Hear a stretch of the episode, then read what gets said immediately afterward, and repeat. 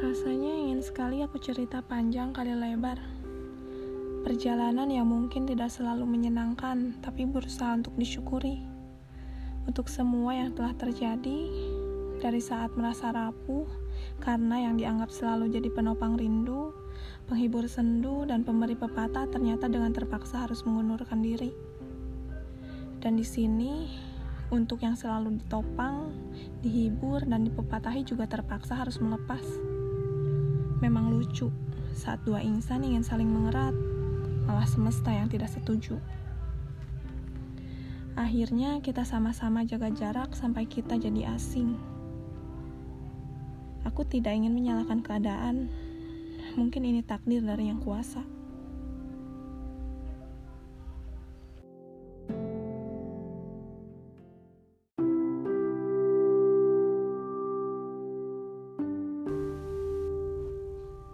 Menolak rindu. Hari ini sudah masuk di bulan Februari. Rasanya masih gini-gini aja. Empat tahun lamanya, rindu masih saja bungkam. Enggan bersuara. Gerak tangan tak ingin ikuti untuk sekadar bertanya bagaimana hari ini.